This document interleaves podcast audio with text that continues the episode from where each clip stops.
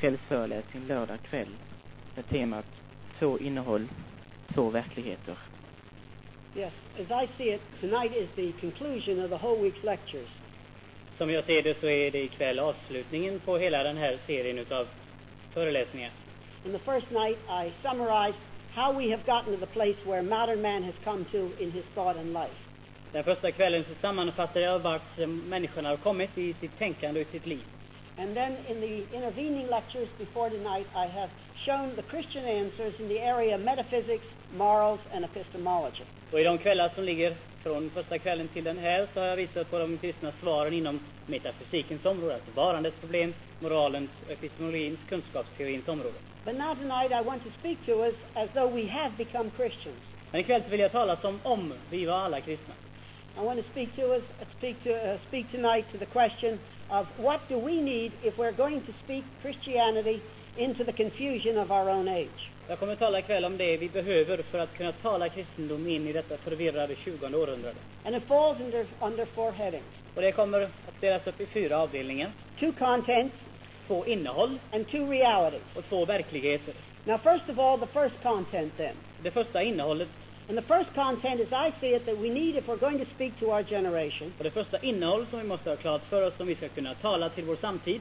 Is a very clear doctrinal position. Är en mycket klar doktrinär position. in regard to the central things of Christianity. Läromässigt begrepp om det som är grunden och centrum i det kristna förkunnelsen. And I would just say to those of us who are Christians, Jag vill säga till de som är kristna, we live in an age of relativity, as we have dis- uh, discussed this week. som vi har diskuterat den här veckan så lever vi i en relativistisk tid. But if we're going to speak to our age of confusion, Men om vi ska kunna tala till vår förvirrade tid we must have a completely clear doctrinal position. så måste vi ha en absolut klar dok- eh, läromässig position. In the midst of my lectures, I have spoken many times and showed the contrast between the biblical position and the liberal position in theology. I de föreläsningar vi har haft så har jag klart visat fram de kristna svaren hur annorlunda de är mot de andra svaren i, på de här områdena. And we must take a clear position in contrast to this new existential theology. Och vi måste ta klar ställning i motsats till den här existentiella teologin. There is no way to make a bridge between these two positions. Det finns inget sätt att bygga broar mellan de här två positionerna.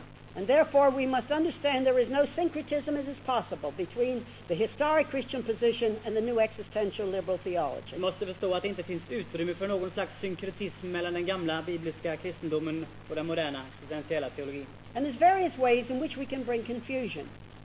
Det finns olika sätt på vilket förvirring kan träda in. And there are ways in which, even though we are Bible believing Christians, Och det finns sätt, fastän vi även, även om vi kallar oss bibeltroende kristna, we can fall into our own kind of existentialism. som vi kan ramla ner i våra egna existentiella fällor. We can fall into our own theological existentialism without knowing what we are doing. Vi kan ramla in i en egen teologisk existentialism utan att ens veta vad det är vi håller på med. You remember that in the first night I described Den första kvällen så beskrev jag, som du kommer ihåg, var den moderna människan befinner sig. Efter Jean-Jacques Rousseau, Efter Jean-Jacques Rousseau. Emmanuel Kant, Emmanuel Kant. Hegel och Kierkegaard, har människan kommit till den plats då förnuftet alltid leder till pessimism.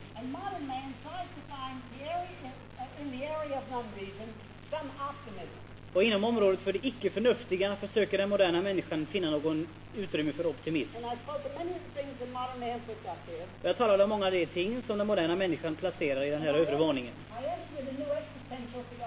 Och jag avslutade med den nya existentiella teologin. Och vad är den existentiella teologins hjärta? Jo, det är den här idén om det oförnuftiga. And it's exactly this point that we who are evangelicals can make a very, des- a very bad mistake. Och just på det området kan vi göra ett fruktansvärt misstag.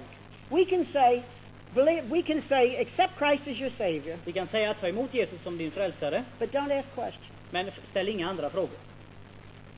And let me just say that in evangelicalism, there's all too much of this. Och i den evangeliska kristendomen så har det funnits, funnits allt för mycket av det här. We act as though it's more spiritual to believe without asking questions. Vi handlar som om det vore mer andligt att handla utan att ställa frågor. When I, when, I, when in the, a reality, when I study the Bible, it is exactly the opposite. När jag i realiteten studerar Bibeln så är det på motsatt vis. We must understand it is not more spiritual to believe without the whole man accepting Christ as Savior. Vi måste förstå att det är inte mer andligt att bara tro utan att den hela människan samtidigt får klart för sig svaren. And that includes his mind. Och det inkluderar hans förnuft. It is more spiritual when the whole man comes, Det är betydligt mer andligt när hela människan är inbegripen i det, including the mind. inklusive förnuft. But some of you may say, but I work among simple people. Men du säger kanske om jag arbetar ju bland enkla människor. And then all many of these things of which you talk has no meaning to them. Så många av de här saker som du har talat om, de betyder ingenting i relation till dem. But in my second pastorate, I worked among shipyard workers. I det andra pastorat som jag hade så arbetade jag bland varvsarbetare. And I learned something very rapidly. Och jag lärde mig någonting mycket snabbt. And that is that the shipyard worker who is not an intellectual and has never been to university, Och det är det att varvsarbetaren som inte är särskilt intellektuell och heller aldrig har varit på universitet, he has questions too. han har också frågor. And actually, they're not very different questions, or they're not different at all, basically, from what the university man asks. Och helt grundläggande så är det inte några annorlunda frågor än de som de flesta människor frågar. He simply articulates these questions differently, or he does not know how to Men articulate han them. uttrycker frågorna på ett annat sätt eller kanske inte vet hur han ska uttrycka dem än universitetsstuderande. And whether I'm working with university men Och vare sig jag arbetar med and university women, eller kvinnor, or whether I'm working with the farmer and the shipyard person, eller om jag arbetar med lantbrukaren eller varvsarbetaren, he has his questions, så har han sina frågor. and it is not more spiritual to say to him, believe without asking your Och det är questions. inte alls mer andligt att säga till honom, tro, ställ inga frågor. And when we give the impression, or we put into words, that we should believe without asking questions, Och när vi ger uttryck för den här tanken att du ska bara tro utan att ställa frågor, actually we have moved up here. så har vi flyttat oss i övervåningen. So we are confusing the whole situation. Så vi förvirrar hela situationen. And we're not keeping clear the distinction between the biblical position and the existential theology. Och vi håller inte klar skillnad mellan den bibliska positionen och den existentiella teologin. There is another way in which evangelicals fall into an existentialism, Det finns ett andra sätt på vilket evangeliska, and that is by decreasing the content of what they preach och det är att ta ner, urvattna innehållet i det man predikar. without giving a sufficient content to the message which they give. Att inte längre ha kvar ett tillräckligt stort innehåll i det man förkunnar. Christianity is a system, Kristendomen är ett system. and we need not be ashamed of the word system. Vi behöver inte skämmas för begreppet system. It is not only a system, Det är inte bara ett system, but it is a men system. det är ett system. And we must not be ashamed of the concept that Christianity is a system. Och vi får inte skämmas för det faktum, eller för det begreppet att kristendomen är ett system. And it has a content. Och det har ett bestämt innehåll. And when we give an insufficient content, we too, we are once more adding to the confusion of our generation. Om vi ger otillräckligt innehåll i vår förkunnelse så svarar vi inte, då ökar vi bara på förvirringen för vår samtid. Whether I am a preacher or a teacher or a missionary or an evangelist or whatever I am, Vare sig jag är lärare, missionär eller vad jag än är, my message must have a sufficient content. så måste mitt budskap ha tillräckligt stort innehåll. Marshall McLuhan is not as an important thinker as he was about three or four years ago, Marshall McLuhan är inte lika väsentlig nu som han var för några år sedan. but he still has said some things which are worth thinking about. Men han sa en del saker som är värda att tänka över. And he says that there's a difference between hot and cool communication. Han sa att det finns en skillnad mellan varm och kall kommunikation. And especially in the area of television and electronics, he emphasizes that there should only be cool communication. Och speciellt inom TVs område till exempel så säger han att det skulle bara finnas så kallad kall kommunikation. Now, what is the difference between hot and cool communication? Vad är skillnaden mellan varm och kall kommunikation? Hot communication is a communication that feeds through the mind. Jo, den varma kommunikationen är kommunikation som introducerar fakta genom förnuft. And it influences the man through the mind. Och det ger inflytande över människan genom hans förnuft. Cool communication is, is quite different. Men den kalla kommunikationen är helt annorlunda. Cool communication is a kind of a first order experience that moves men and manipulates them without it passing through their minds. Det är en slags upplevelse som rör människan och kommer till människan utan att fånga intellektet. Är en slags upplevelseform alltså som fångar henne. Now, using Marshall McLuhan's terminology of hot and cool, Att använda, om jag nu använder Marshall McLuhans terminologi let us understand that Christianity is to use cool, hot communication. måste vi förstå att kristendomen måste använda het eller varm kommunikation. Christianity is a message of content. Det är ett budskap som har innehåll. And we often are in danger of finding it easy to manipulate men and get them to make professions of faith without a sufficient content. Och är ofta i fara att manipulera människor, att få dem in i ett slags trostillstånd som icke baserar sig på verkligt innehåll. But this can be a very dangerous thing indeed. Men det här kan vara mycket farligt. And the clearest illustration is in some people we have had come to L'Abri. Och den klaraste illustrationen består i en del av de människor som har kommit till oss på L'Abri. We have had some people come to L'Abri who have accepted Christ as Savior in quotation marks, Vi har haft människor som har kommit och tagit emot Kristus inom citat. and they have never once considered if God exists. Men de har aldrig överhuvudtaget tänkt på huruvida Gud överhuvudtaget existerar. They've been presented the gospel without a sufficient content, De har fått evangelium utan något egentligt innehåll. and it's turned out to be only one more form of trip to them. Och det är bara en slags tripp som återstår. No, it must not be this way. Det, måste inte, det får inte vara på det här viset. More and more we are subject to, cool, to uh, cool communication in the society which surrounds us. I det samhälle som omger oss blir vi mer och mer utsatta för så kallad kall. We are more and more being manipulated by people. Vi blir mer och mer manipulerade utav människor. And as this increases more and more in our generation, Och som det ökar mer och mer i vår generation increasingly we must, we must consciously present Christianity as hot communication. så måste vi mer och mer medvetet presentera kristendom som het information och kommunikation. And when I, give, when I try to give a Christian message without a sufficient content, I am adding to the confusion of our Och generation. när jag ger ett kristet budskap utan tillräckligt innehåll så ökar jag bara på förvirringen i vår värld. There is another way in which evangelicals very easily fall into their own kind of existentialism. Det finns ett annat sätt på vilket kristna kan falla i sin egen existentialism. And that is by treating the first half of the book of Genesis as though it has nothing to do with history and the cosmos. Och det är att handskas med första delen av första Moseboken som det inte hade något att göra med det som verkligen har försiggått i universum. This is the way the existential theologian treats the whole Bible. Det är på det viset som den existentiella teologen handskas med hela Bibeln. It gives us religious truth, Det ger oss en viss form av religiös sanning, men det ger oss ingenting i bottenvåningen. Ingenting i relation till historia,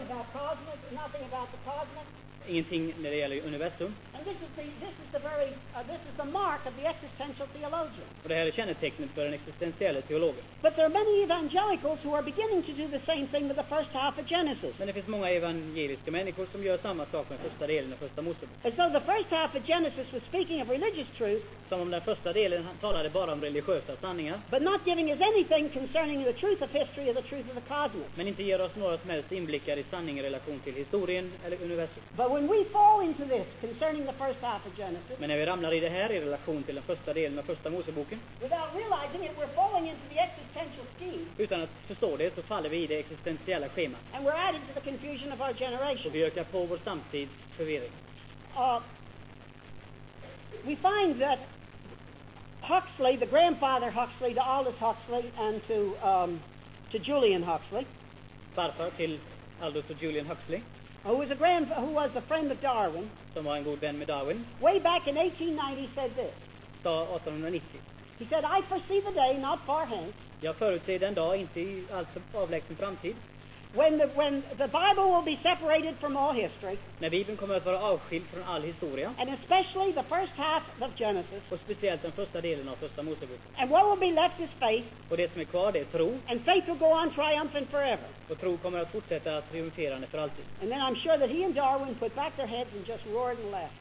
Och jag är säker på att han och Darwin kastade skallen tillbaka och skrattade. Because it's perfectly true, in such a situation, faith cannot be challenged. För det är alldeles klart att i en sådan situation kan man inte utmana tro. But it's also true that the things of faith mean nothing. Men det är också sant att troselementen inte spelar någon som helst And roll. the awful thing is that this is exactly the place to which evangel- uh, to which existential theology has Och come. det tragiska är att det just till en sådan plats som den existentiella teologin hamnar. And too often, those who are evangelical Christianity or uh, evangelical Christians are drifting in the same Och direction. allt för ofta är det så att de evangeliska kristna driver åt samma håll. No, it isn't this way. The internal and external evidence concerning the book of Genesis Det inre och yttre vittnesbördet och bevisen om första Moseboken is that it's a unity. är att det är en enhet. And the first half is just as much space-time history as is the last half. Och den första delen av första Moseboken är lika mycket tid och rumhistoria som den senare delen. Now I would speak of another way in which we add to the confusion of our generation. Ytterligare ett sätt på vilket vi kan bidra till förvirringen i vår generation. The liberal existential theologian says there is no absolute in the Bible. Den liberala existentiella teologen säger att det finns inga absoluta saker i Bibeln. No absolute in morals. Inga absoluta värderingar för All we're moral. left is, is with situ- situational ethics. Allt vi har kvar är situationsetik. And no real uh, uh, absolutes in the area of truth either. Och det finns heller inga absoluta värderingar i relation till sanning. Now we as Bible-believing Christians say there are absolutes. Som bibeltroende kristna säger vi det finns absoluta. Absolutes in the area of morals Absoluter i relation till moral and in the area of truth. och inom sanningens område. But we have our own way if we're not careful to destroy the absolute. Men vi har ett eget sätt att förstöra dessa absoluta värderingar på om vi inte aktar oss. And that is to add other things Och det är att lägga till andra saker. as though they also are absolute. Som om också dessa andra ting var absoluter. And so we destroy the absolutes of the Bible from the other direction. Så vi förstör Bibelns absoluter ifrån ett annat håll. One of the great troubles with the evangelical church in most countries Ett av de stora problemen med den evangeliska kyrkan i många länder är, is it's, li- it's linked very closely to the middle class, to middle class structure. är att den är mycket nära förbundet med medelklassstrukturen. And the middle class structure has certain taboos Och medelklassen har särskilda tabun and certain life forms. och vissa livsformer. And all too often, the evangelical Christian acts as though these arbitrary things were really absolutes. Och ofta så beter sig den genomsnittliga kristne som om dessa tabu som medelklassen har, godtyckliga tabu, då som de också vore absoluter. So the liberal destroys the absolutes of the Bible by saying there are no absolutes. Så den liberale han säger att det finns inga absoluta och gör slut på dem på det viset. But if we are not careful, we destroy the absolutes of the Bible by making other things equal to God's absolutes. Men om vi inte aktar oss förstör vi likaledes Bibelns absoluta genom att lägga till. The clear illustration is the hippie world. Den klara illustrationen är hippievärlden. Here is the hippie world with its, with its, uh, the way it dresses. Här har du hippiekulturen med det sätt på vilket de klär sig. It wears its blue jeans De har på sig sina jeans and it wears its, it has its bare feet. och har sina bara fötter. But what about when this person tries to come to our churches? Men vad händer när han försöker trava in över tröskeln på våra kyrkor? Is he accepted with his blue jeans? Blir han accepterad med sina jeans? And is he accepted with his bare feet? Är han accepterad med sina bara fötter? And I want to tell you all too often, no. Allt för ofta nej. In every single geographical location, I varje enskild geografisk plats the middle class group has its own taboos, så har medelklassen sina egna tabun. and they differ from country to country. De skiljer sig från land till land.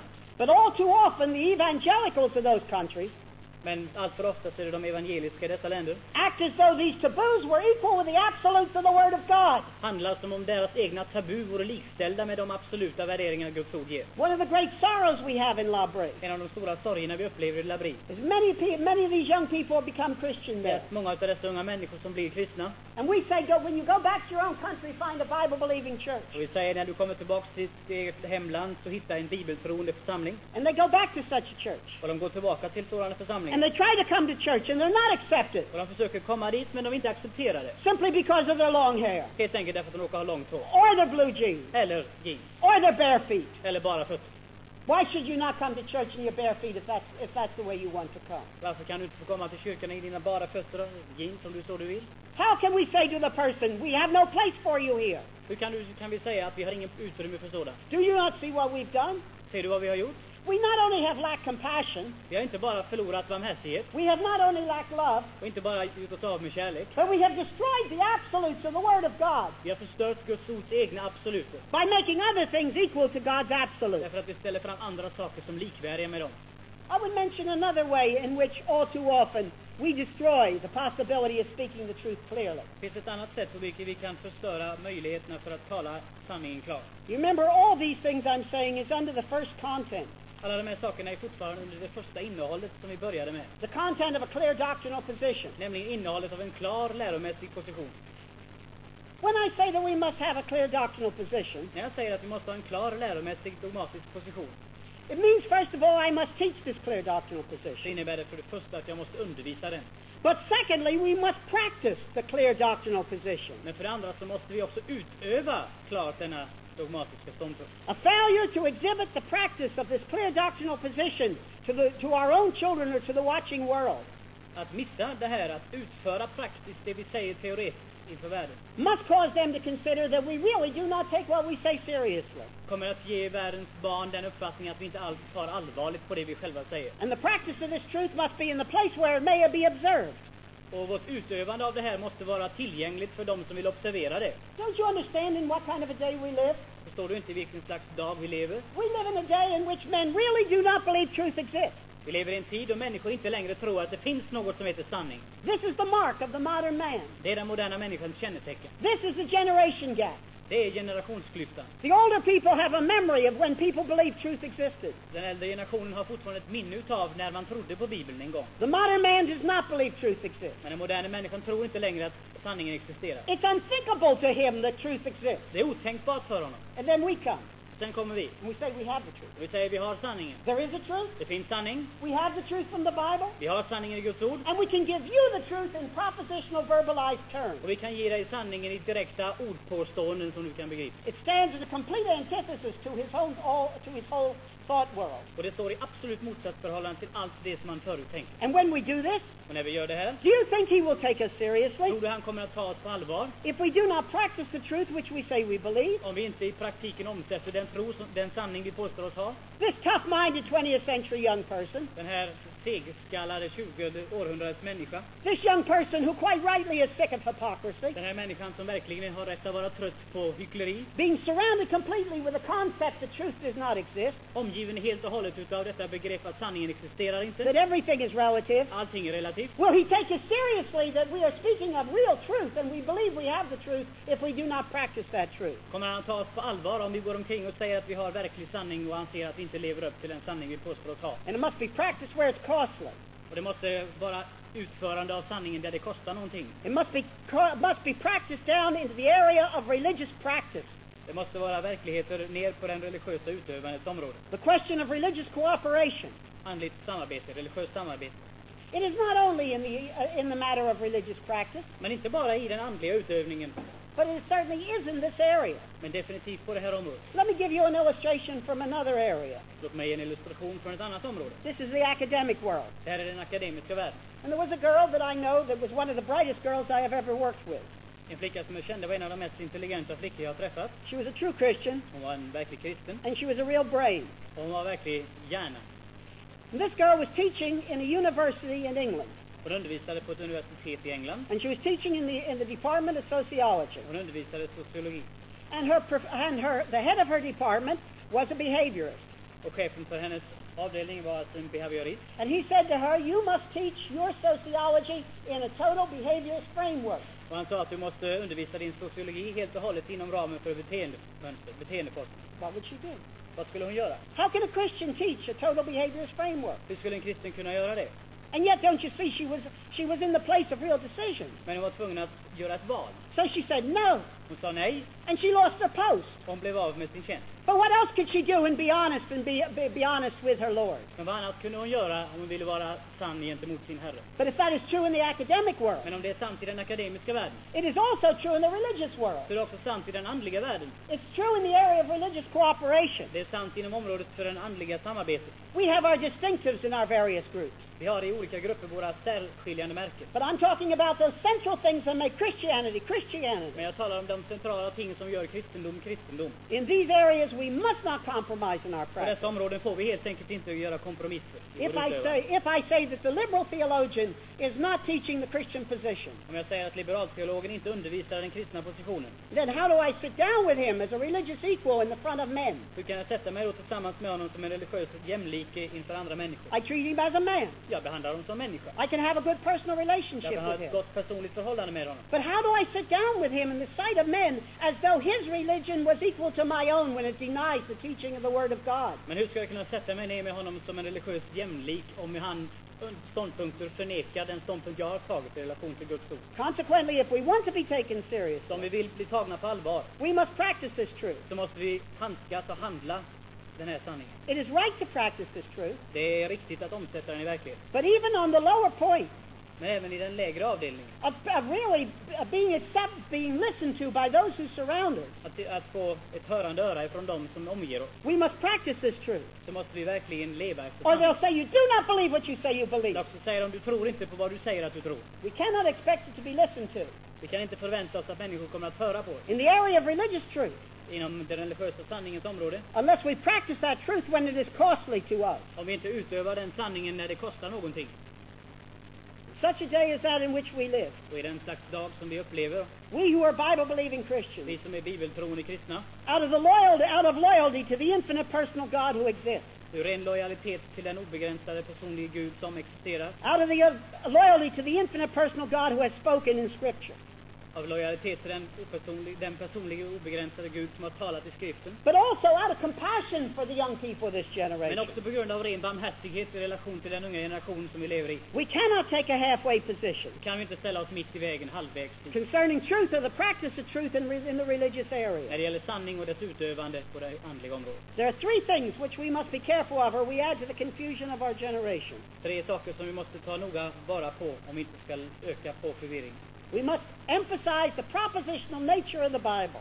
Vi måste påtala det klara påstående karaktären av Guds ord. This speaks of truth, Som talar sanning. not just upper story religious truth, Inte bara övervånings religiös sanning. but truth in the areas in which it speaks. Utan sanning på de områden där den talar. We must put a strong emphasis on content. Vi måste ge ett starkt eftertryck åt innebörd och innehåll. And we must put a strong emphasis on the practice of truth in religious matters. Och vi måste ha ännu starkare eftertryck kanske på det som är utövandet av den sanning vi påstår oss äga i religiösa sammanhang. And if we do not do these three things, Och om vi inte gör dessa saker we're actually, without meaning to, adding to the confusion of our own generation. så kommer vi bara att öka på förvirringen för vår egen generation. This is the first content which we desperately need. Det här är det första innehållet som vi verkligen måste hålla fast vid. A clear doctrinal position on the central things of Christianity. En klar dogmatisk ståndpunkt på de centrala teman i kristendomen. And a practice of that truth. Och ett utövande av den sanningen. And this is the orthodoxy of doctrine. Och det här är den ortodoxa renlärigheten. That's the first content. Och det är det första innehållet jag vill tala om. Now the second content. Det andra innehållet. The second con- content is giving honest answers to honest questions. Det andra är alltså att ge ärliga svar på ärliga frågor. There is no dichotomy, no separation in the scripture I skriften finns inget upp, ingen uppdelning between that which is intellectual and the cultural and the spiritual. mellan det som är intellektuellt, det som är kulturellt och det som är andligt. It is all too easy to have a platonic element in, in Det Christianity, är alldeles för lätt att ha ett platonskt element i kristendomen. where the soul is important, Där själen spelar stor roll. and where the body and the intellect and culture is, is just open to suspicion. Och där kroppen, intellektet och kulturen är bara utsatt för viss skepsis. This is not biblical Det är Christianity. inte biblisk kristendom. God made the whole man. Gud skapade hela människan. Jesus died to redeem the whole man. Jesus Kristus dog för att försona hela människan med sig själv. The body will be raised from the dead. Kroppen ska uppstå från döden. And in our present life, Jesus is to be the Lord of our whole life. Och i vårt nuvarande liv ska Kristus vara liv av hela vårt liv. If I would draw a pie that represents all of life, Om jag kunde rita en äppelkaka som demonstrerade hela livet. Christianity as truth Kristendom som sanning touches every slice of that pie. rör varje segment av den äppelkakan. If Christianity is true the way it is, the way the Bible claims it is true, Om kristendomen är sann utifrån det som Bibeln säger att den är sann, it teaches, it touches the whole of life. så rör det allt vad liv är. There is no Det dichotomy. finns ingen uppdelning i två hälfter. If Christianity is true, Om kristendomen it can answer questions. så kan den besvara frågor. Or we're putting it merely in as an upper story thing. Eller också placerar den helt enkelt bara i övervåningen. Consider Paul. Se på Paulus. What was Paul's ministry like? Vad var hans tjänst? Vad gjorde han? He constantly answered questions. Han besvarade frågor. In the synagogue, he answered the questions to the Jews. I synagogorna besvarade han judarnas frågor. In the marketplace, he answered questions to the non-Jews. På marknaden så besvarade han icke-judens frågor. His whole life was made up of answering questions. Hela hans liv bestod av att besvara frågor. Three times we find in the book of Acts and in the epistles, times when he spoke to the Gentiles without any Jews being present. Tre gånger upptäcker vi sammanhang där han talade till icke-judar. First at Lystra, Vid Lystra and then at the book, then we, then at Mars Hill. och sedan Marskullen i Aten. And both of these places he was interrupted. Och bägge gångerna när han talade så blev han avbruten. But he was in both places he was he was giving answers to the questions of the Greek and the Roman world. Men bägge gångerna så gav han svar till grekerna och den romerska världen. Unfortunately, in the third place he was not interrupted, På den tredje platsen så blev han inte avbruten. and that's in the first in the first two chapters of the book of Romans. Och det är de två, sista, två första kapitlen i Romarboken. And he answered the questions of the Greek and the Roman world. Och han besvarade den grekiska och romerska världens frågor. It was his ministry. Det var hans uppgift. The ministry of answering questions to the simple man, Hans tjänst av att besvara den enkla människans frågor. but to the philosopher on Mars Hill as well. Men likaledes också filosofen på Mars. And somebody may say, but what about First Corinthians? Men säger du, vad då första Korinthierbrevet? Does he not speak against worldly wisdom there? Talar han inte där tvärt emot värld, världlig, världslig visdom? Yes, he does. Ja, det gör han. But it's worldly wisdom he's speaking against. Men det är världslig visdom som han talar emot. It's the autonomous wisdom, Det är den självständiga visheten, generated by man out from himself. Skapad av människan utifrån sig själv. It's humanistic wisdom that he is arguing Det against. är humanistisk vishet som han diskuterar och debatterar mot. In contrast to the knowledge we have from the revelation of the Word of God. I motsats till den kunskap som vi definitivt har ifrån Guds uppenbarelse. Already in that day, there was an accepted Gnosticism growing up in the church. Redan vid den tiden fanns det en form av gnosticism som växte fram i församlingen. The concept that you were saved merely by a certain special kind of knowledge. Nämligen detta att man kunde bli frälst bara där man tillägnades en viss form av kunskap. And in 1 Corinthians, he's talking against that. Och i första Korinthierbrevet så talar han emot det. But neither in what he says nor in what he practiced did he fail to answer men's honest questions. Men varken i det som han sa eller i det som han gjorde misslyckades han med att besvara människors frågor. And consider the Lord Jesus himself. Och se på Herren Jesus Kristus själv. Read the gospel. Is it not true that a great mass of that which makes up the gospels is Jesus' answers to questions? Är det inte sant att en huvuddel av det som utgör evangelium är att Jesus Kristus besvarar frågor? It's a different kind of question because he was not talking to the Greek and the Roman world. Det är andra slags frågor och svar därför att han inte talade till en grekisk But it was answering questions. Men han besvarade frågor. And somebody will say, but didn't Jesus say you have to become as a little child to become a Christian? Men sa då inte Jesus att man skulle behöva bli som ett barn för att kunna bli en kristen? Yes, he did. Ja, det sa han. But what does this mean? Men vad innebär det? Have you ever had a little child? Har du någonsin haft ett litet barn? Or have you ever been one? Eller har du varit det? Have you ever seen a little child that didn't ask questions? Har du någonsin sett ett litet barn som inte besvarar frågor? I've had, I've ställer had, frågor. I've had four children, Jag har haft fyra barn. and they've asked me harder questions more consistently when they were children than university students ever asked me. Och de frågar mig svårare frågor konsekvent än universitetsstuderande frågar mig. The, the thing is not, the, what Jesus is saying is not to fail to ask the questions which are honest questions, Jesus säger inte att man ska låta bli att ställa de frågor som är ärliga. nor to answer them.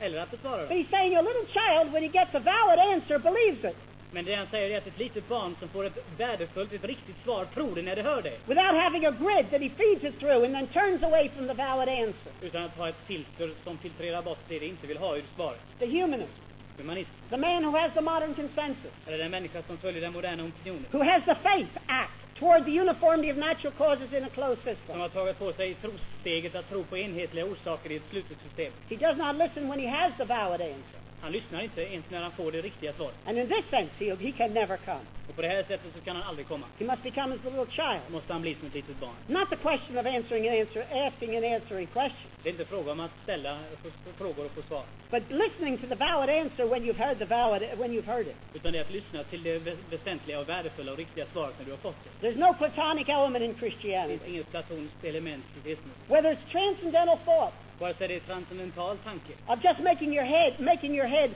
uh, empty Eh, helt enkelt att tömma huvudet and waiting and waiting to see what will come into it. och vänta på om det kommer in någonting och vad det nu kan And vara. that's what transcendental thought is. Det är vad transcendental tankeverksamhet But överhuvudtaget it's not only this kind of platonic thought we must reject. Men inte bara den här formen av platonisk tanke vi måste förkasta. It's the platonic thought that uses evangelical and Christian terminology, Det är den platoniska tanke som använder evangelisk terminologi, but refuses to face the honest questions of our day. men som vägrar ta itu med de ärliga frågorna som finns i vår is dag. not true that every intellectual question is a dodge for a moral question. Det är inte alls sant att varje intellektuell fråga bara är ett sätt att undvika en moralisk. Sometimes they are. Ibland är de det. But there are, eh, there are honest intellectual Men det questions. finns ärliga intellektuella frågor. And honest, and honest questions deserve honest answers. Och ärliga frågor har rätt att få ärliga svar. We must have, we must have enough compassion to learn how to answer our generation. måste vara barmhärtiga nog för att kunna besvara människors frågor. That's what theological seminaries and faculties ought to be all about. Det är det som teologiska seminarier och fakulteter skulle handskas med och ägna sig åt. It's hard work to learn to give honest answers to honest questions. Det är ett hårt arbete att lära sig att ge ärliga svar på ärliga frågor. There is no pill that anyone can give you so that you can answer all the questions. Det finns ingen piller som svarar alla på frågor. There's work to be done. Det är en fråga om arbete.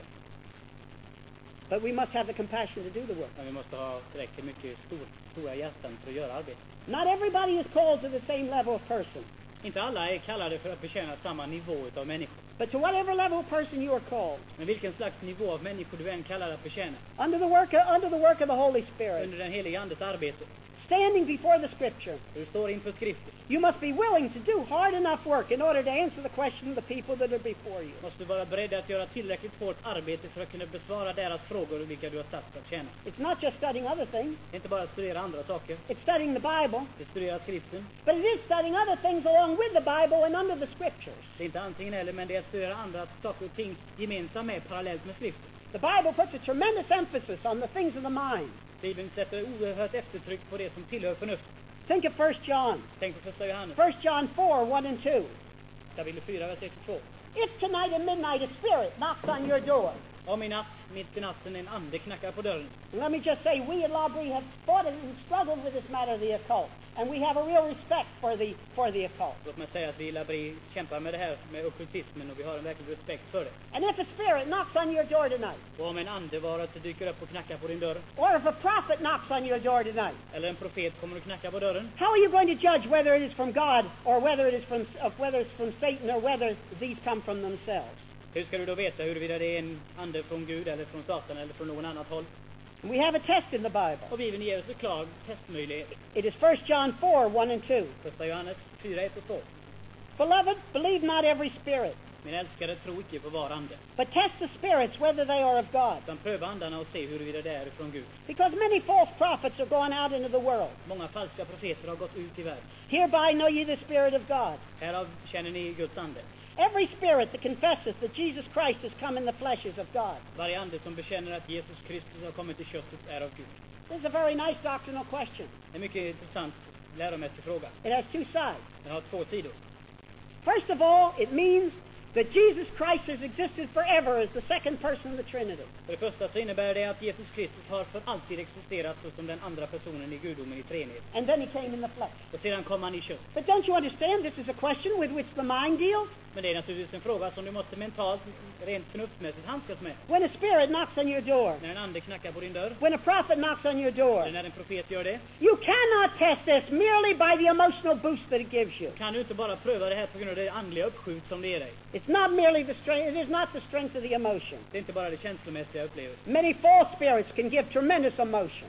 Många falska andar ger fantastiska känsloupplevelser. It's not merely a matter of outward manifestation. Det är inte bara en fråga om yttre manifestationer. These can be counterfeited by Satan. Dessa kan Satan imitera. There is only one safe way to judge in the, among the spirits among the prophets, Det finns bara ett säkert sätt att bedöma och värdera andar och profeter. and that is on the basis of biblical content which the mind can wrestle with. Och det är på grundval utav Bibelns innehåll som förnuftet ska handskas med. Everything else is open to danger. Allt annat är öppet för vissa stora If you, faror. if you merely trust the other, Om du bara litar på det andra you will be able to be fooled. kommer du att bli lurad. No, the Bible puts its emphasis here. Bibeln lägger sitt eftertryck här. Whether it's a test of spirits or prophets, Vare sig det är andar eller profeter, or whether it's a test of Christian fellowship with whom I should work, eller om det är fråga om kristen gemenskap med vilka jag skulle arbeta. in each case it's a matter, it's a matter of the, it's a matter of Christian doctrine with which the mind deals. I varje fall så är det fråga om kristen undervisning med vilket förnuftet ska handskas.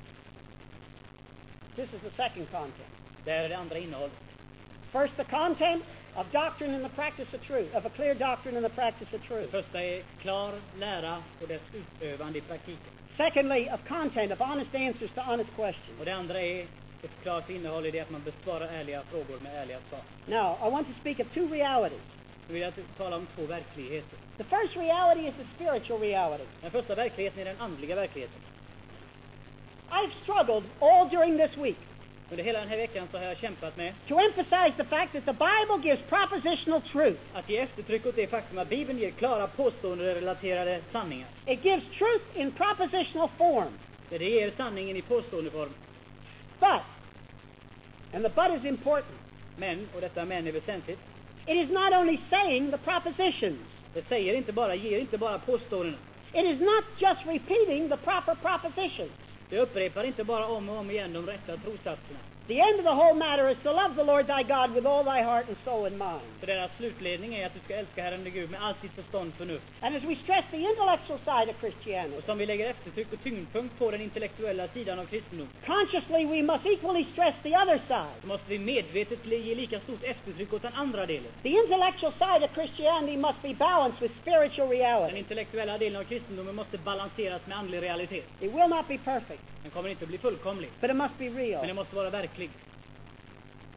We have done all we, we have done all we know how to do, and, we, and in our prayer life we pray at L'Abri that these two things may be balanced. Vi har gjort allt vi har kunnat till L'Abri och vi ber i vårt böneliv att de här två tingen ska vara balanserade. At L'Abri itself and in the books that have been written. Både i L'Abri och de böcker som vi skriver. In the books there is the God who is there.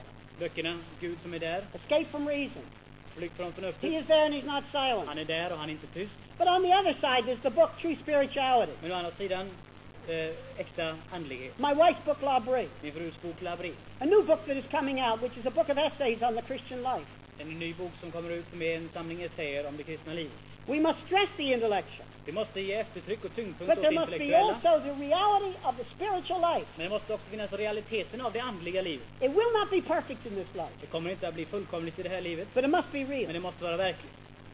Back in 1951 and 1952, 1951, 52, I was faced with a great question in my own life. så hade jag ett mycket stort problem att brottas med i mitt eget liv. I looked around among the, those who were orthodox, Jag såg mig omkring bland de som var renläriga. and I saw so little spiritual reality. jag såg så lite andlig verklighet. I looked in my own life, Jag såg i mitt eget liv. and the spiritual reality was not as great as, as it was right after I was converted. Och den andliga verkligheten i mitt eget liv var inte så stor som just efter det att jag blev en kristen. So I took two, about two months, and I set them aside. Jag tillbringade två månader som jag satte åt sidan. And every day I walked in the mountains in Switzerland. Varje dag så gick jag omkring i schweiziska bergen. And when it rained, I walked in the hayloft, which was over our, over our chalet. Och när det regnade så vandrade jag omkring på höskullen. And I went all the way back to my agnosticism. Och jag gick tillbaka i tänkandet rakt tillbaka till mina agnostiska And I wrestled through again. Well, had I been correct in, in stopping to be an agnostic? Och jag gick igenom och frågade mig själv, hade jag varit rätt i detta att jag avslutade min agnostiska bana? I told my wife I'm serious about this. Jag, jag sa min fru att jag är uppriktig i relation till det här. If I don't find a way, Om jag inte finner vägen I'm going to give it all up. så kommer jag ge upp alltihop. And I'm going back and I'm going to take another kind of job. Jag kommer att gå tillbaka, åka tillbaka till Amerika och ta upp ett annat arbete. And then I wrestled through these weeks and these months. Och de här månaderna så kämpade jag genom det här. And gradually I saw more clearly than I'd ever seen before the fact that I was right in, in stopping to be an agnostic. Och gradvis såg jag mer och mer att jag hade rätt i att ha avslutat min agnostiska livsföring. There's good and sufficient reasons to be a Christian. Det finns tillräckligt goda anledningar för att vara en kristen. And then I asked, but where is the reality? Men sen frågade jag mig, var finns verkligheten av det här? So I went on, I wrestled further in my life Så jag fortsatte att kämpa med de här problemen before God, inför Gud, with the scriptures. med skriften. And gradually I saw something I'd never been taught. Och stegvis såg jag någonting som jag aldrig hade fått mig undervisa. And that is the meaning of the blood of Christ, the meaning of the work of Christ in our day by day life. Och det är betydelsen av Jesu Kristi blod, Jesu Kristi död för oss på korset i vårt dagliga liv. The fact that after I have sinned, I can bring my sin under the blood of Christ and be forgiven. Det faktum att till och med efter det att jag har begått synd så kan jag föra in den under Kristi blod och bli förlåten. The fact through the indwelling of the Holy Spirit that the whole Trinity makes promises to us. Att den Ande kan bo i oss och att hela treenigheten ger löften till oss. The fact that there is a very real, there's a reality of Christ bearing His fruit through us in this, in, in this life moment by Det moment. faktum att Jesus Kristus genom oss kan bära frukt. I'm convinced with all my heart that if it had not been for this increased reality, spiritual reality which I found, Jag är säker på att utan den här utökade andliga verkligheten som jag där fann there would never have been a L'Abri. Skulle aldrig ha funnits något labri. There would never have been a Labri no matter how many intellectual answers we gave. Det skulle inte ha funnits något labri oberoende av hur många intellektuella svar vi hade försökt ge. I, of all people, would not minimize the intellectual answers. Jag är den sista att vilja bortförklara de intellektuella svaren. But it is not only repeating uh, the right proposition. Men det räcker inte med att bara påpeka och upprepa trossatserna. It is some real spiritual, some true spirituality in our lives. Det måste vara fråga om verklig, realistisk andligt liv i våra liv. We must not minimize either one. Vi får inte göra avkall på varken det ena eller det andra. We must stress both. Vi måste ge eftertryck åt båda. We are not just intellectual machines. Vi är inte bara intellektuella maskiner. There is to be a reality in our spiritual Det lives. måste finnas en verklighet i vårt andliga liv. And this is the first reality. Och det är den första verkligheten. I would repeat, I would be the last man in the world to minimize the intellectual side of Christianity. Jag är den sista i världen som vill förneka eller förringa på något sätt den intellektuella sidan av kristendomen. But this other must be there. Men detta andra måste finnas där. So now we've had two contents. Vi har sett två innehåll. A clear doctrinal position and a practice of truth. En klar dogmatisk ståndpunkt och ett utövande av dess sanning. A second content of honest answers to honest questions. Det andra innehåll utav ärliga svar på ärliga frågor. The first reality, Den första realiteten. some true spiritual reality in our life. Verklig andlig verklighet i våra liv. And now the final reality. Och nu den sista realiteten. There must be the beauty of human relationships. Det måste finnas mänskliga förhållanden, de mänskliga relationernas skönhet. We stand against B.F. Skinner. Vi står tvärt emot B.F. Skinner. B.F. Skinner says man is only a machine. Och han säger att människan är bara en maskin. And he calls his book Beyond Freedom and Dignity. Han kallar sin bok Bortanför värdighet och frihet. And we say no. Och vi säger nej. Man is made in the image of God.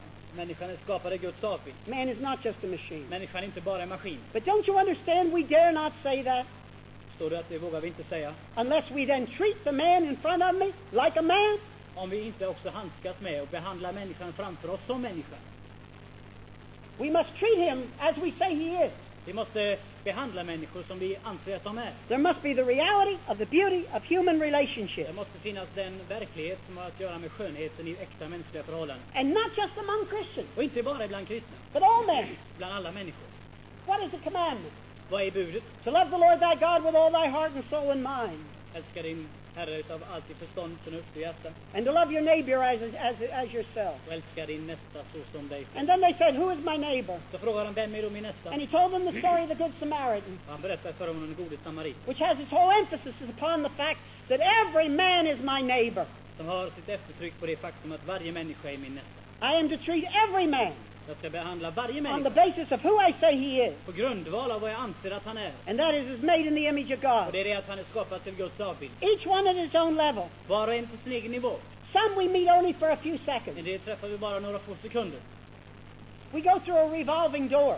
Vi går i en snurrdörr, svängdörr. We pass the man on the other side only by maybe 30 seconds. Vi passerar honom kanske bara några sekunder. But he's to be treated as that which has dignity and made in the image of God. Men vi måste behandla honom som det som är skapat till Guds avbild och har värdighet motsvarande det. I come with the come with my automobile to the red light. Jag kommer med min bil till stoppljuset. I'm going to pass somebody I will never see again in this life. Jag kommer att passera någon som jag kanske aldrig ser igen i det här livet. But on the level of those couple minutes, Men på de få minuternas bas he's to be treated with the beauty of human relationship. jag behandla honom med skönheten av verkligt äkta mänskliga förhållanden. And then the wide, then the longer relationship. Och sen längre förhållanden. The employer-employee relationship. Arbetsgivare, arbetstagare. The political relationship. Politiska relationer. The husband and wife. Make och maka. The parent and child. Föräldrar och barn. These longer relationships. Dessa längre, långa förhållanden. It is to be the Christian in every case that shows forth the beauty of human relationship and treating men with dignity. Det måste vara den kristne som i alla dessa områden visar fram det fina, sköna i mänskliga förhållanden. And if we do not treat all men with dignity, Och om vi inte behandlar alla människor med värdighet we must shut up about saying that B.F. Skinner is wrong. så måste vi stänga munnen i relation till vad B.F. Skinner säger och säga att han har fel. If we treat men like machines, För om vi behandlar människor som maskiner there is no use us arguing that they're not finns machines. det ingen anledning att stå och debattera att de inte är maskiner. And what about the liberal theologian? Liberalteologen då, When I meet him, när jag möter honom, when I deal with him, när jag handskas med honom, I must say he's wrong. Jag måste naturligtvis säga att han har fel. But I must say it in such a way, Men jag måste säga det på ett sådant sätt, no matter how clear it must be said, hur klart jag än blir tvungen att säga det, I must say it in such a way that he knows he's been dealt with fairly. så måste han få höra det på ett sådant sätt att han vet att han har fått en behandling. I went through an experience concerning this which was very important in my own understanding. Jag hade en upplevelse som var mycket väsentlig för mitt eget begrepp på det här området. In the Anglo-Saxon world, there was a very well-known liberal theologian called Bishop Pike. Bishop Pike var en mycket känd figur på det här området i den anglosaxiska världen. And a group in America asked if I would have a public discussion with him. Och det var en grupp i Amerika som undrade om jag ville ta upp en, en offentlig debatt med honom. And I agreed. Och jag accepterade. And there in Chicago one night, we had 2,000 people present. Och en kväll i Chicago var det 2000 människor samlade. And Bishop Pike presented his view, Och Bishop Pike presenterade sin and. I presented mine. Och jag presenterade mina ståndpunkter. But I had asked the people at L'Abri to pray for just one thing, Jag hade bett folk till Abrea att be för bara en enda speciell sak. and that is that I could give a clear position both to the audience and to Jim Pike. Och det var att jag skulle kunna ge en klar position både till auditoriet och till Jim Pike. But when I got done, I would be end in a good human relationship with Men him. att jag när jag hade varit avslutat mitt, tillfälle att jag skulle fortfarande ha kvar ett gott mänskligt förhållande med honom. And I was able to present a clear position Och det var möjligt för mig att presentera en klar ställningstagande. and cut the line between biblical theology and liberal theology just like that. Och verkligen klart framställa brytningslinjen mellan biblisk teologi och den liberala. But when I got done, Men när jag var färdig Jim Pike stood up and said, så ställde sig Jim Pike upp. I'm not very well known for, I'm not known for treating my adversaries very kindly. Sa han, jag är inte särskilt berömd för att behandla mina motståndare särskilt vänligt. But I want to say that this is the best public discussion I've ever had. Jag måste säga att det här är den bästa offentliga debatt som jag någonsin har haft. We cannot do it ourselves. Vi kan inte göra det själva. It is beyond us. Det är långt bortanför oss. But we must, some, we must look to God for help. Vi måste se till Gud för hjälp, So there's no compromise, så att det inte är någon kompromiss, either in teaching and practice. Vare sig undervisning eller praktik. And yet, even with a liberal theologian, that we treat him as understanding that he is a man. Och till och med den liberala teologen ska behandlas så att han förstår att han är människa. And if this is true concerning those who are not our brothers in Christ, Och om det är sant i relation till dem som icke är våra bröder i Kristus, how many times, 10,000 times 10,000 more, hur många tiotusentals gånger tiotusen mer we're to treat our brother in Christ so that it's clear that we love him? skulle vi då inte behandla vår broder i Kristus så att det är klart för honom att vi älskar honom? And this is the reason I put such emphasis on my little book, The Mark of the Christian. Det är därför jag lägger sån tyngdvikt vid boken Den kristnes kännetecken. The world has a right to see Christians loving each other. Världen har rätt att se kristna som älskar varandra.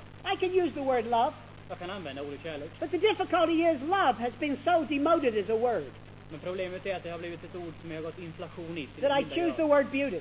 Så jag använder ordet skönhet. We're to treat our brothers in Christ in a, in a way of beauty, Vi bör behandla våra bröder i Kristus i skönhet. the beauty of human relationships. Skönheten i de sanna mänskliga förhållandena. We have our own groups. Vi har våra egna grupper.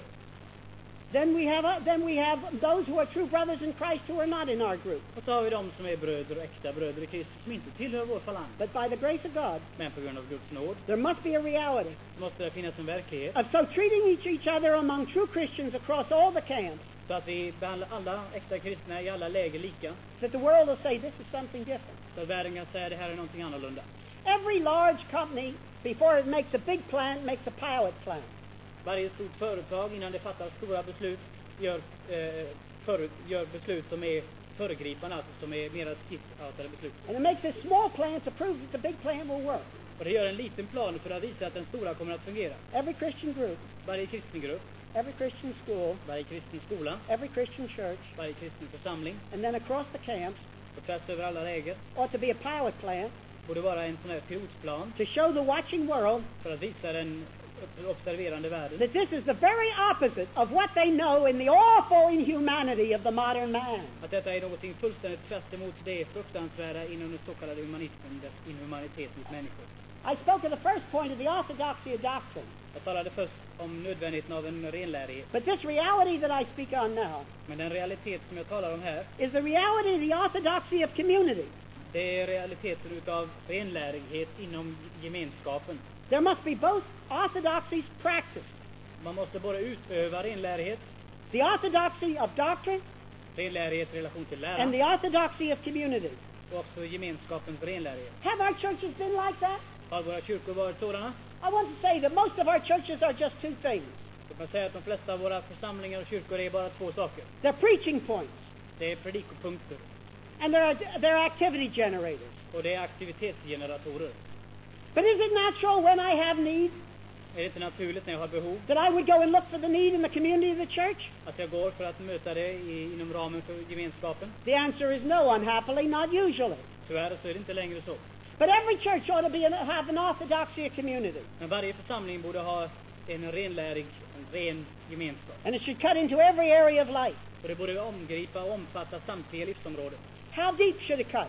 Hur djupt skulle det gå? How far should this community go? Hur djupt skulle den här gemenskapen gå? Consider the early church. Se på den tidiga församlingen. In one generation, it spread from the Indus Valley all the way to Spain. I en generation så sträckte den sig från Indusflodens dalgång till Spanien. Why? Varför? Well, one of the reasons of the things we're talking about now.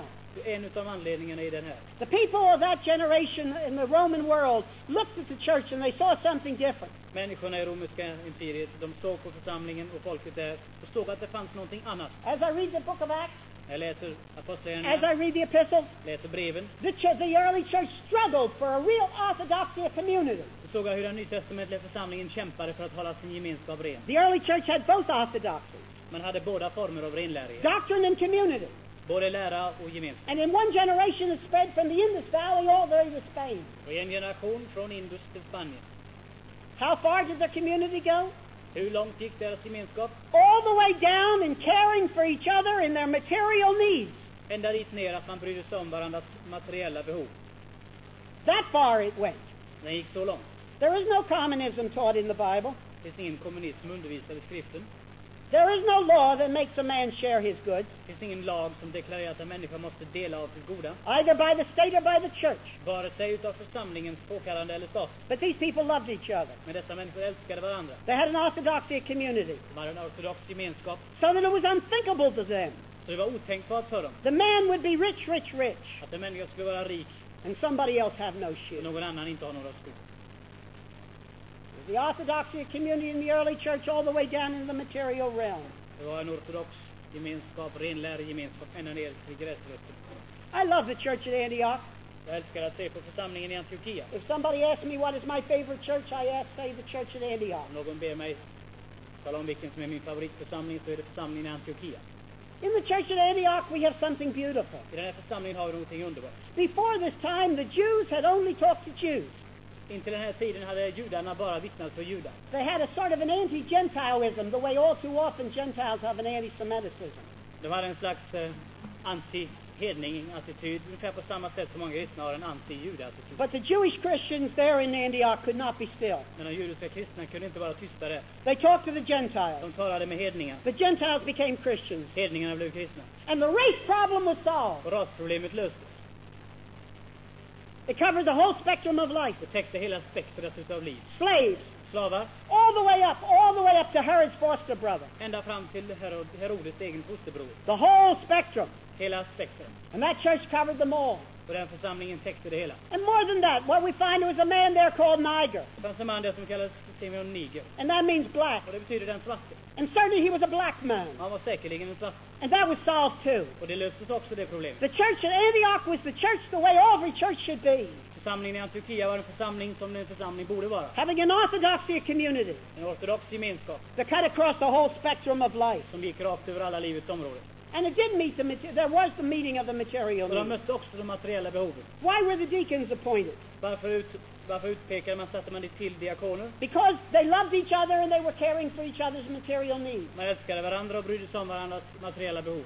And the, the, the uh, things were being given out by the Jewish-speaking Christians, by the Hebrew-speaking Christians. Gåvorna gavs ut av de hebreisktalande kristna. And so the, Gen- so the Greek-speaking Christians were left out by mistake. Och de grekisktalande, de lämnades utanför av misstag. And how much beauty was there here? Hur mycket skönhet fanns det här? They appointed the deacons so that the Greek-speaking Christians would also have their share of the material needs. De tillsatte, diako tillsatte diakonerna för att även de grekisktalande skulle ha en del utav sina behov mötta. And it is beautiful beyond all words. Och det är skönhet bortanför alla ord. But every single deacon that was named has a Greek-speaking name. Men varje enskild diakon hade ett grekiskt namn. This is the kind of beauty they have. Det var den slags skönhet de And it was not only there in their own local group, Men det var inte bara där i deras egen lokalförsamling. but when we find when Paul writes his letters about, about giving, Men vi ser att när Paulus skriver sina brev om givandet almost always it's giving at long distances. så är nästan alltid fråga om att ge på långa avstånd. So we find that the Macedonians Så vi finner att macedonierna in the north of Greece, i norra Grekland, those proud Macedonians, dessa stolta macedonier, should they not have been proud? borde de inte vara stolta? Didn't, didn't Alexander the Great come from there? Kom inte Alexander den store därifrån?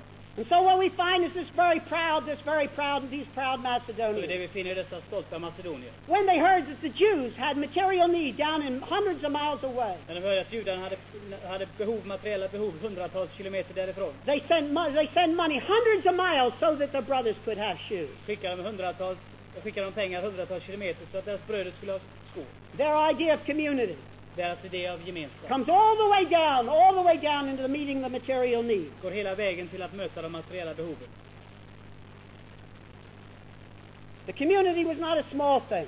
Gemenskapen var ingen liten del. It covered the whole area, the whole area of life. Det täckte hela livets område. One of the one of the the things which we have done in evangelicalism, which again shows our the Platonic influence, En sak som vi gjort i evangeliska kyrkan som vi har också visar vårt platoniska inflytande. we have made it spiritual to give to missions. Vi har gjort det andligt att ge till mission. And in the Bible, indeed, they gave to missions. Och i Bibeln gav man till mission. They gave so, so that Paul did not always need to make tents. De gav så att Paulus inte alltid behövde sy tält. But almost always in the Bible where it speaks of giving, Men nästan alltid när det talar om givandet i skriften it's giving in the area of meeting other men's material needs. så är det ett givande för att möta människors materiella behov. Read the book of James. Läs Jakobs bok. In the book of James, he says, Do not, uh, what an awful thing it is to try to speak to men of spiritual things Där säger han det är ett fruktansvärt ting att tala till människor om andliga ting when he needs shoes när han behöver skor. if you do not give him shoes. Om du inte ger honom skor samtidigt. Don't you see how much we've missed? Ser du hur mycket vi har missat? The reality of the beauty of human relationships Verkligheten som talar om personliga relationer, skönhet, among the non-Chri- non-Christians, i relation till icke-kristna, and then especially the Christians. framförallt till kristna. An orthodoxy of doctrine En ortodoxi i lära and an orthodoxy of community. och en ortodoxi i, i i gemenskap. If we're going to speak to the confusion of our generation, Om vi ska tala till vår samtids förvirring, if we can expect that men will listen, om vi förväntar oss att människor ska lyssna, there must be two contents. måste det finnas två innehåll. A clear doctrinal position and the practice of truth. En klar läromässig ståndpunkt och ett klart utövande av den i praktiken. And then an, giving honest answers to honest questions. Sen att ge ärliga svar på ärliga frågor. And then there must be two realities.